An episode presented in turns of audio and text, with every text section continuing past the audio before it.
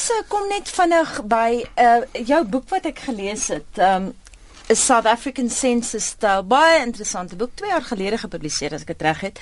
Maar daarin skryf jy dat uh, baie van die owerhede was oningelig. Byvoorbeeld uh, by die Deswel is nou oor Tambo, dit was uh, Jan Smits by die lughawe sou amptenare nie Black Beauty of Anna Karenina uh toelaat of inlaat in die land nie want Anna Karenina sou konsuis kommunisme propageer en Black Beauty het hulle in 'n ander konteks verstaan nie weet waaroor die boek gaan nie. Het jy baie daai soort van ding tegekom? Uh wel is twee goeie voorbeelde daar. Ek meen die David beeld was ook oral toegemaak in winkelfensters gewees, jy weet op die op die strategiese plek, die strategiese plek ja. En uh Ag eh, mense moet onthou daai beampte het natuurlik baie werk gehad om te hulle het myself gekeer waar ek 'n hele oop lisensie gehad het om goed in te bring in die land. Dan sê hulle, toe sê die ouetjie vir my maar uh, tussen hakkies. Ek sê maar hoekom wil jy kyk? Hier's my pas. Ek mag enige boek inbring. Toe sê hy, "Ag ons kyk maar altyd." kom ons kom 'n bietjie by Magersfontein, o Magersfontein. Almal onthou die hierdie as jy oud genoeg is van Magersfontein. Mense wat nie eers die boek gelees het nie, Kobus het beswaar daarteen gemaak. Een vrou van die Vrystaat byvoorbeeld waaroor die skrywer Chris Barnard 'n hele satiriese stuk in huisgenoot geskryf het. Sy het nie eens geweet waaroor die boek gaan nie. Nee, dit is werklik so. En uh wel ek het altyd gevoel sy was geregtig om te kla as 'n lid van die publiek al het sy hom nou nie gelees nie, want ons sal hom tog lees. En ons het daai eerste ronde in die 70's was die bevinding gewees, die boek is onaanvaarbaar en dit is toe ongewens bevind deur die appelraad oor publikasies. En daarna het was interessant eintlik het die uh, die uh, het die het uh, Leroux 'n letterkundige prys gekry, die topprys het hy gekry vir die boek terwyl hy ongewens bevind is.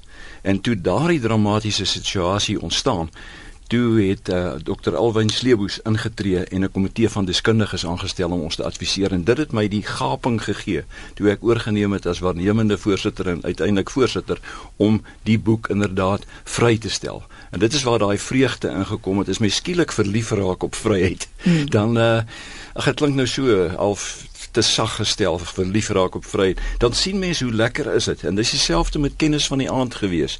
As mens dink kennis, 'n groot probleem van kennis van die aand was dat die karakter het gesê dat uh die hele situasie is vir hom vergelykbaar met die juk wat op Christus gerus het. Hmm. En dit is met ander woorde apartheid en die, die apartheid liefhebber kon dus kon dit net nie vat daardie stelling nie. En ek dink baie keer dit is eintlik die rede hoekom selfs wel die Hooggeregshof het ook daarna gekyk maar die verbod is bekragtig. Maar twee van die regters wat ek later gesien het vir my gesê hulle is so bly dat kennis van die aand toe uiteindelik ook vrygestel is. Ek wonder nou wat regters dit was, maar ek weet dat Piet Koornhof vir jou 'n lansie wou breek wat Magersfontein betref. Ja, het uh, vir my en regter Snyman sien sit daar in in so 'n wonderlike Dis 'n Lammie Snyman. Ja.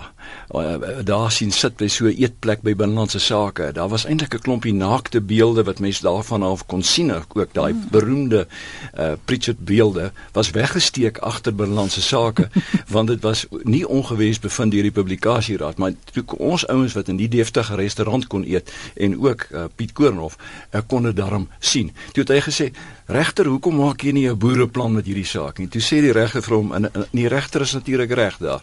Man, 'n regter maak nie 'n boereplan nie."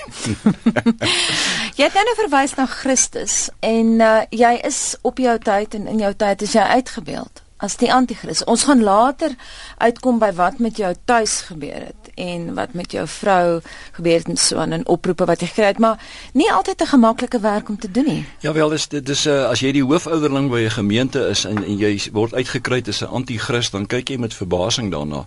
Daar was ook 'n dik volume versprei aan omtrent 300 kerke met al die uitsprake met toe ons die uitelike gebruik van die Here se naam in flieks begin toelaat het. Uh, 'n uh, geweldige klag en, en ons het oral probleme daarmee gekry maar ek het ek het gevoel die appelraad oor publikasies moet onafhanklik wees en ons het dit ook bewys toe dit kom by staatsgevaarlike goed wat verbied was toe ons begin het toe ons kraai freedom uiteindelik vrygelaat het maar ook die freedom charter in 83 al hmm.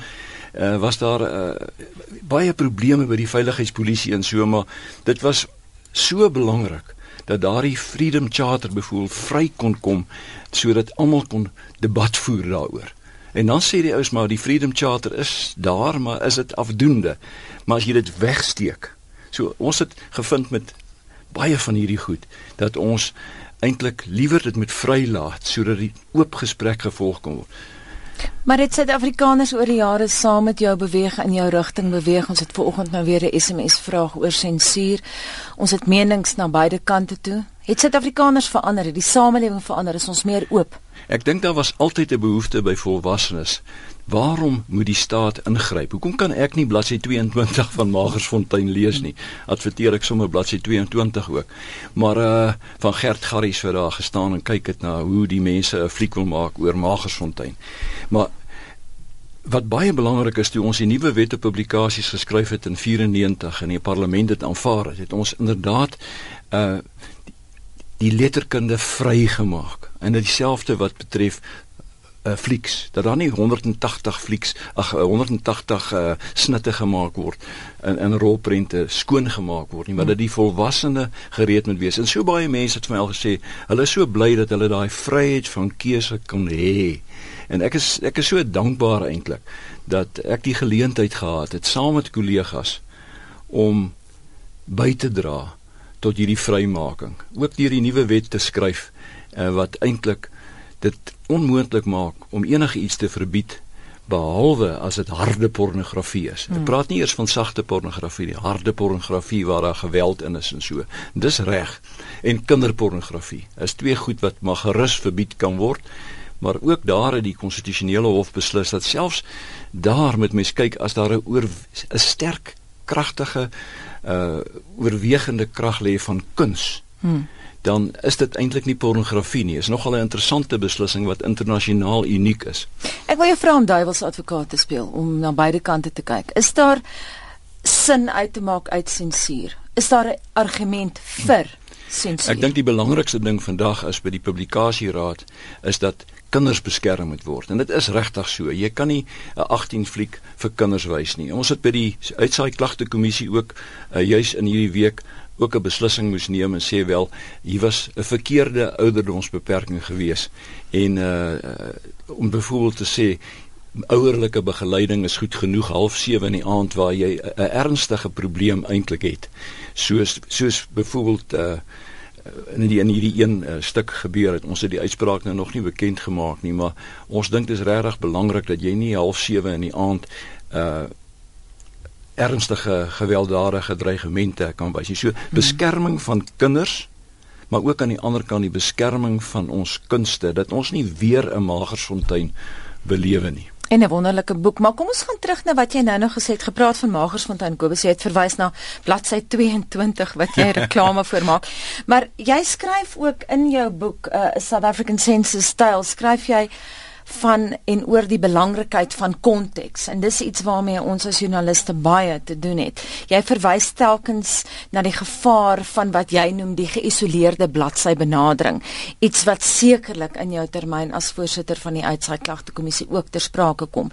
Dat ek en ons sien self wat geskryf word as daar klagtes is teen die uitsaai uh, teen die SAIK bevoeld. Ons sien die klagtes, ons sien die uitsprake wat terugkom na ons toe en baie dikwels word daar gesê binne die konteks ja. was dit toelaatbaar. So dis 'n belangrike ding. Dis die dis die heel belangrikste woorde wat mens kan kry in enige wetgewing. Ek weet ek het die voorsitter van die parlementêre komitee 13 keer, ek het dit so getel, geneem vir ete om hom te oortuig dat selfs by kinderpornografie dat jy altyd binne konteks moet beoordeel. Jy kan nie net 'n bladsytjie vat soos die Appelhof gedoen het in uh Wilbur Smith se boek Where the Line Feeds, waar jy 'n stukkie vat. Alt alles moet altyd binne konteks gesien word in 'n geheel. Gelukkig is daai tyd verby dat 'n boek van soos Wilbur Smith se boek hoe genaamd verbied kan word. Maar ek het daarin geslaag oral in daai wet op publikasies staan daar within context. Mm. Hulle die woorde uitgehaal in 'n wysiging van die wet in uh 1999 en gelukkig het die konstitusionele hof toe beslis dat konteks altyd altyd daar moet wees al staan dit nie in die wet nie en dit is is 'n oorwinning daardie vir konteks en uh daarom is dit onmoontlik. Vat maar kennis van die aand om mm. om om een klein toneeltjie te vat uh, wat afspeel in Nederland waar daar 'n rowwe woord gebruik word saam met seksualiteit uh om dit te vat en buite verband te gebruik. Uh en die aantal is ja ja, dit is aanstootlik vir die godsdienstige oortuigings of gevoelens. Die antwoord lê daarin dat as jy die boek as geheel beoordeel, al stem jy nie saam met die gedagte van apartheid wat die soos die juk van Christus is nie, behoort daar die verdraagsaamheid te wees van die redelike persoon dat so 'n boek beskikbaar behoort te wees. Ek wonder nou of daai 13 etes gehelp het en ek hoop nie jy het betaal nie. Maar van konteks gepraat weer eens jou eh, jou boek bevat ook humor en um ek verwys na Kas van 'n berg wat in die 80s 'n rubriek geskryf het jy kon liefde maak met 'n vrou in Engels. Maar so solank jy net nie liefde gemaak het met 'n vrou in Afrikaans nie. Ja, ek weet jy uh, daai sterk gevoel, jy kan maar 'n ding in 'n ander taal sê. Selfs die Amerikaners het dit so benadering gehad. Jy, hulle eie uh aktrises het was daar sterk reëls oor. Uh maar as Amerikaanse aktrises nou.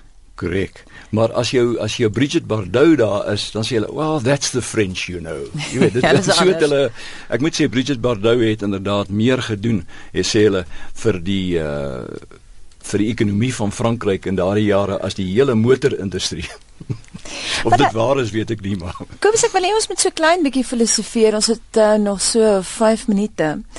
Ehm um, Die ironie van sensuur is dat dit dikwels 'n teenoorgestelde uitwerking gehad het. Jy skryf dit in jou boek, jy het dit al gesê jy's op rekord in ander onderhoude dat jy het gesê het die verwanning van byvoorbeeld Scope destyds en toe Scope van 'n Merrow van die Republikeinse pers vir jou gesê man, verband dit weer dan elke keer dan eh, hmm. net na die verbanning dan skiet ons verkope die hoogte in en ek weet jy het statistiek daaroor, maar ek weet ook ek het op 'n klein dorpie in Mpumalanga groot geword en toe kennis van Andre Brink hmm. verband is. Toe wou hulle dorp die boek lees. En en dis tog interessant daai sodra jy weet jy mag nie dan wil jy voel. Ja, ek weet met Magersfontein se verbod toe dit in die lug was het daar 'n lang tou mense gestaan by die Staatsbiblioteek in Pretoria om die boek te lees. Uh ons het ek het geweet dat daar 'n konservatiewe invloed tog is uh rondom die hele uh, illustrasie van naaktheid. En ek het geweet hulle gaan nie daardie goedjies verwyder van die uh, dames nie. En die antwoord is dat uh toe het ons gesê maar waarom sal ons dit verbied? Want die ou rede was gewees dit is iets wat dan uh kom ons gebruik die woord welis mm. sal veroorsaak wat, wat dit ook al is. Uh vir my die goed ek was te jonk om te dink daar's welis. Uh maar uh die antwoord lê daarin dat deur dit nie meer te verbied nie, het ons die kykers of die koperstal gebring van sê maar 250 000 elke 2 weke na 66 000. Toe skalk en ek sê dit in ligte trant want skalk is 'n baie wonderlike ou. Sê Kobus man, wie ek sukkel. Ek is in bevel eintlik namens my baas hier in Johannesburg. Uh om daarom iets te doen, maar nou het jy ons verkope geweldig afekteer. my mooi storie altyd by Scopus. Jy weet, die ouens het altyd ek het hom in my tas want weet die artikels is so interessant. ja, ja. Dieselfde maar, storie is natuurlik gespin oor uh oor verskeie ander goed soos Playboy en so aan. Playboy, Daar ja. is artikels, goeie artikels in hoor.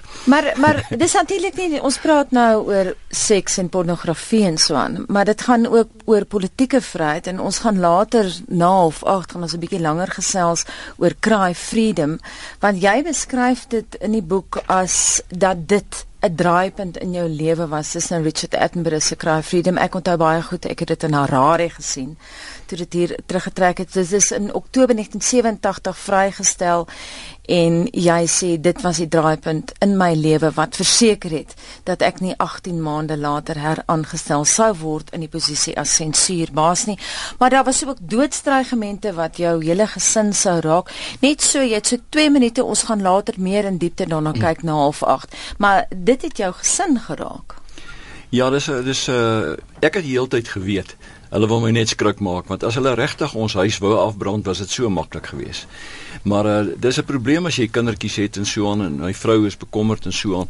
Maar ons het polisie gehad wat ons opgepas het. Ek wil nou nie te te dramatiseer en mm. belangrik maak nie. Maar uh mense is tog onder geweldige spanning, telefoonoproepe en so aan. Ek het my straatnommer verander want daar was ook 'n advertensie in beeld gewees waarvoor ek nogal die rekening gekry het dat my huis vir omtrent 'n kwart van sy prys in die mark is.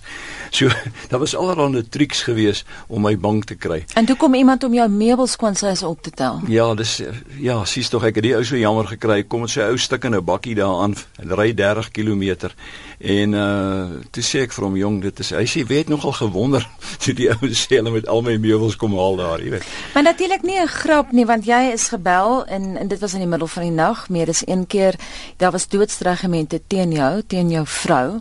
So jy moet nogal staal hê ja, om in so 'n nou- posisie te wees. Ek praat nou half ligtelik daaroor. Ja. Maar dit is uh, geweldig ernstig geweest. Daar was ook 'n brief gepubliseer in die Sowetan deur my, sê mm. hulle, maar dit was so pragtig geskryf. Ek wens eintlik dit was my brief. En met jou handtekening wat toe nie jou handtekening was ja, nie. Ja, daar was 13 punte van verskil, maar ek kon dit nie eers agterkom nie.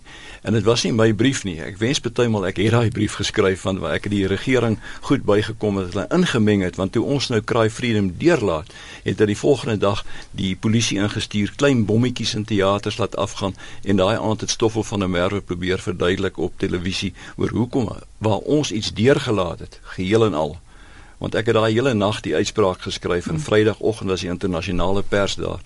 En uh wel, dit is die posisie gewees en ek kon dit net nie glo dat hulle inmeng nie. Dit is heeltemal onwettig geweest dink ek om in te gemeng het, maar dit het gebeur en dit was wonderlik geweest in 1990 uh, het ek in 'n gaan kyk saam met 'n swart gehoor en die antwoord synde dit was baie interessant om te sien dat die mense nie in geweld oorgaan nie maar in trane was na die fliek Ons gesels ver oggend met professor Kobus van Rooyen. Hy is voormalige voorsitter van die publikasieraad en hy tans voorsitter tot donderdag nog van die uitsaai klagte kommissie. En waarheen dan Kobus? Wel uh, ek is bevoorreg om dan die voorsitter te word van of ek is reeds al aangestel en funksioneer al reeds daar by uh, ICASA se uh, tribunaal wat uh, daar klagtes hanteer wat verband hou met uh, te, uh, telefonie en selfs die poskantoor val onder hulle. So ek weg ons gaan nie heeltemal weg van inhoud nie want volgende jaar se verkiesing gaan wel onder daardie liggaam val. So ek is nie heeltemal weg nie, maar uh dis 'n ander soort konteks waaruit mens werk en wat belangrik is is dat die uitsaai klagte kommissie bly nog steeds 'n liggaam wat deur die uitsaaiers tot stand gebring is. En in daardie sin soos die persraad is en As mens kyk na die internasionale konteks, is dit 'n ideaal dat inhoud eintlik beheer moet word deur uh liggame wat deur die pers of die uitsaaier self tot stand gebring is. Kom ons waaroor kla mense die meeste as dit kom by uitsaai. Ek vind dat uh dit gaan veral oor kinders, veral televisie uh dat die ouderdomsbeperkings nie korrek was nie. Uh, mense besef ook natuurlik nie dat by DStv hulle hulle televisies kan instel nie. Daar's natuurlik ook hierdie groot saak gewees oor pornografie op ODM of Star set op die oomblik uh en 'n hof het beslis dat daardie pornografie eintlik nie toelaatbaar is nie want uh ICASA moes beter na die situasie gekyk het. So in die geheel gekyk is klagtes veral oor kinders. Dit gaan ook oor taal dikwels. Hmm. Uh, wat 'n soort uh Rian van Heerden is nogal beroemd daarvoor om interessante goed te sê uh uh en op daai manier hoor mens baie keer van hom want klagtes daaroor en natuurlik ook hier en daar word iemand belaster uh en dan se dikwels ook so dat mense dan moet 'n vraag vra is dit die persoon nou regtig belaster of was dit nie dalk in die openbare belang dat iets gesê word nie Maar oor die algemeen jy was nou voorsitter van die persraad jare gelede en toe was jy by die uitsaai klagte kommissie ons praat ook oor sensuur vanoggend maar as mens nou kyk in jou posisie as voorsitter van die persraad en die uitsaai klagte kommissie sou jy dink die Suid-Afrikaanse media is verantwoordelik of nie Baie belangrik is hier daar's geen voorafbeheer in hierdie verband nie. Dit is alleen op klagtes na die tyd. Ek dink eintlik kan ons heeltemal trots wees op ons media. Uh veral op die gebied van die reg om te antwoord word daar tog baie moeite gedoen. Mense kla dikwels daaroor. Ek het nie 'n kans gehad nie. Dis ook byvoorbeeld in Engeland 'n groot probleem, the right to reply, mm. jy weet. En dit is iets waaroor mense baie kan lank kan gesels. So dis miskien een aspek waaraan daar meer aandag gegee kan word. Uh toe ek op die persvryheidskommissie saam met regter Langa was, het ons dit ook beklemtoon. Maar die pers is baie bewus hiervan en ek dink mense is baie negatief dikwels oor oor oor die pers, maar dis 'n uiters moeilike wêreld om in te werk. Jy moet daagliks relevant bly en ek dink ons kan trots wees. As mens kyk na jou Engelse koerante, dan's ons regtig hulle voor. Nee, ons gee dan vir jou koekies en tee vanoggend, so jy gaan nie nare goed Engels, oor ons sê. Ja, ek ek praat oor Groot-Brittanje se koerante, ek sê nee, Engelse koerante. Ek ek sien. Kom ons kom terug na wat jy vroeër, jy wou 'n bietjie daaroor ook gesels. Jy was baie nou betrokke by die skryf van die nuwe 1996 wet op publikasies op aanvraag van die destydse minister van binnelandse sake Mangosuthu Buthelezi. Maar jy het toe ook kers gaan opsteek by kollegas uit Nederland, Noorwe, Ierland. Hoe vergelyk ons wet vandag met wat die beste ter wêreld bied? Uh daar's nogal mense kan regtig trots wees met versigtigheid gesê op ons wet. Hy hy het seker gemaak waar ander lande nog gestoei het oor die saak is dat vir volwassenes moet sekere stof met alle stof eintlik beskikbaar wees behalwe harde pornografie uh en kinderpornografie. Dis die een beginsel. Die tweede een is daar was 'n definitief 'n onafhanklikheid gegee aan die publikasieraad. Toe daar 'n stryd ontstaan het oor 'n uitstalling van sekere fotos uh, by 'n uitstalling daar in die Kaap uh, en daar 'n botsing tussen die minister was en die publikasieraad, was ek baie trots geweest op die eerste voorsitter van daai publikasieraad, uh, Dr. Nana Makaula wat gesê het Ons het 'n standpunt. Dit is 'n toelaatbare uitstalling gewees. So die onafhanklikheid van al hierdie liggame, die persraad, die uitsaai klagte kommissie, uh die publikasieraad en al die liggame van hierdie aard is uiters belangrik dat hulle moet as onafhanklike eenhede funksioneer en soos die howe werklik konstitusionele reg toepas. En daarom is ek is baie trots eintlik op uh, ons uitsaaiers. Byvoorbeeld dat uh, SABC2 nou die aand die Maimane uh skerp aanval op die president gepubliseer. Dit dit vat baie moed en dit wys ook objektiviteit. Uh dit was net die dag nadat uh, die toespraak gehou is van meneer Maimane dat ETV uh met spesiale onderhoude selfs met 'n klomp rowers wat gesê hulle gaan met die sokker uh die internasionale sokker hier by ons mesig besteel dat ons gesê dis tog toelaatbaar want daar's 'n reg op inligting van die publiek. En dan is ook DStv het 'n uh, vryelik kommentaar gelewer oor die Oscar saak. Mm. Juriste sal nogal daaroor uh, verskil, maar dan is daar ook uh, nou nou die dag het John Robbie byvoorbeeld ook gesê uh, hy was baie krities oor die vrylating van meneer Dewani. Hmm. Almal sal onthou hoe hy hier na toe moes kom vir sy saak en dat hy uit uit, uit sommer skerp woorde gebruik en dat nêrens daar is daar bevinding gewees dat dit nie toelaatbaar is nie. En 'n oordentlik ingeligte publiek is vir ons vreeslik belangrik. En dan daarmee saam die beskerming van kinders is eintlik waaroor dit deesdae gaan by die publikasieraad en by die uh, uitsaai klagte kommissie. Dis belangrik. Kortliks dit so 'n minuut tyd. Hoe vergelyk ons weet ek het jou nou nog gevra met internasionaal. Jy het nou gaan kyk ja. wat doen die Noore het gekyk wat doen die Ire. Ja. Ons is bevoorreg geweest dat mense al daardie voorbeelde gehad het en 'n regter uit Engeland het nogal hier kom sê dat sy dink ons stukkie wetgewing is die die beste in die wêreld. Nou ja, dis 'n bietjie rof gestel, maar hmm. dit dit beskerm op 'n baie beter manier uh as ander wetgewing in ander lande omdat ons 'n kans gehad het in moderne tye om 'n nuwe wet te skryf en ons reeds al die ander inligting uit Australië, Nieu-Seeland uh en verskeie ander lande gehad het en ook onderhoude kon voer. 'n Belangrike ding wat Floyd Abrams wat 'n wêreldberoemde in Amerika, uh, né? Ja, 'n wêreldberoemde First Amendment vryheid van spraak prokureur prokureur regsgeleerde is. Hy het gesê toe ek hierdie wet ons hierdie wet geskryf het. Kobus you must free the arts. Dis nogal 'n verskriklike belangrike sin wat hy gesê het en dit het my inspireer en ons geïnspireer wat die wet geskryf het om werklik vryheid te waarborg. Nee, en daarvoor moet jy beslis 'n pluimpie kry. Baie dankie dat jy ver oggend kom saamgesels het met ons om meer lig te werp. Jy is voorsitter tans van die uitsaai klagte kommissie tot donderdag. Maar baie dankie dat jy ook kom gesels het oor die ou dae van sensuur wat baie mense al vergeet het. Dit dan professor Kobus van Rooyen, voormalige voorsitter van die publikasieraad en tans voorsitter van die uitsaai klagte kommissie. Baie dankie. Baie dankie, dit was heerlik geweest.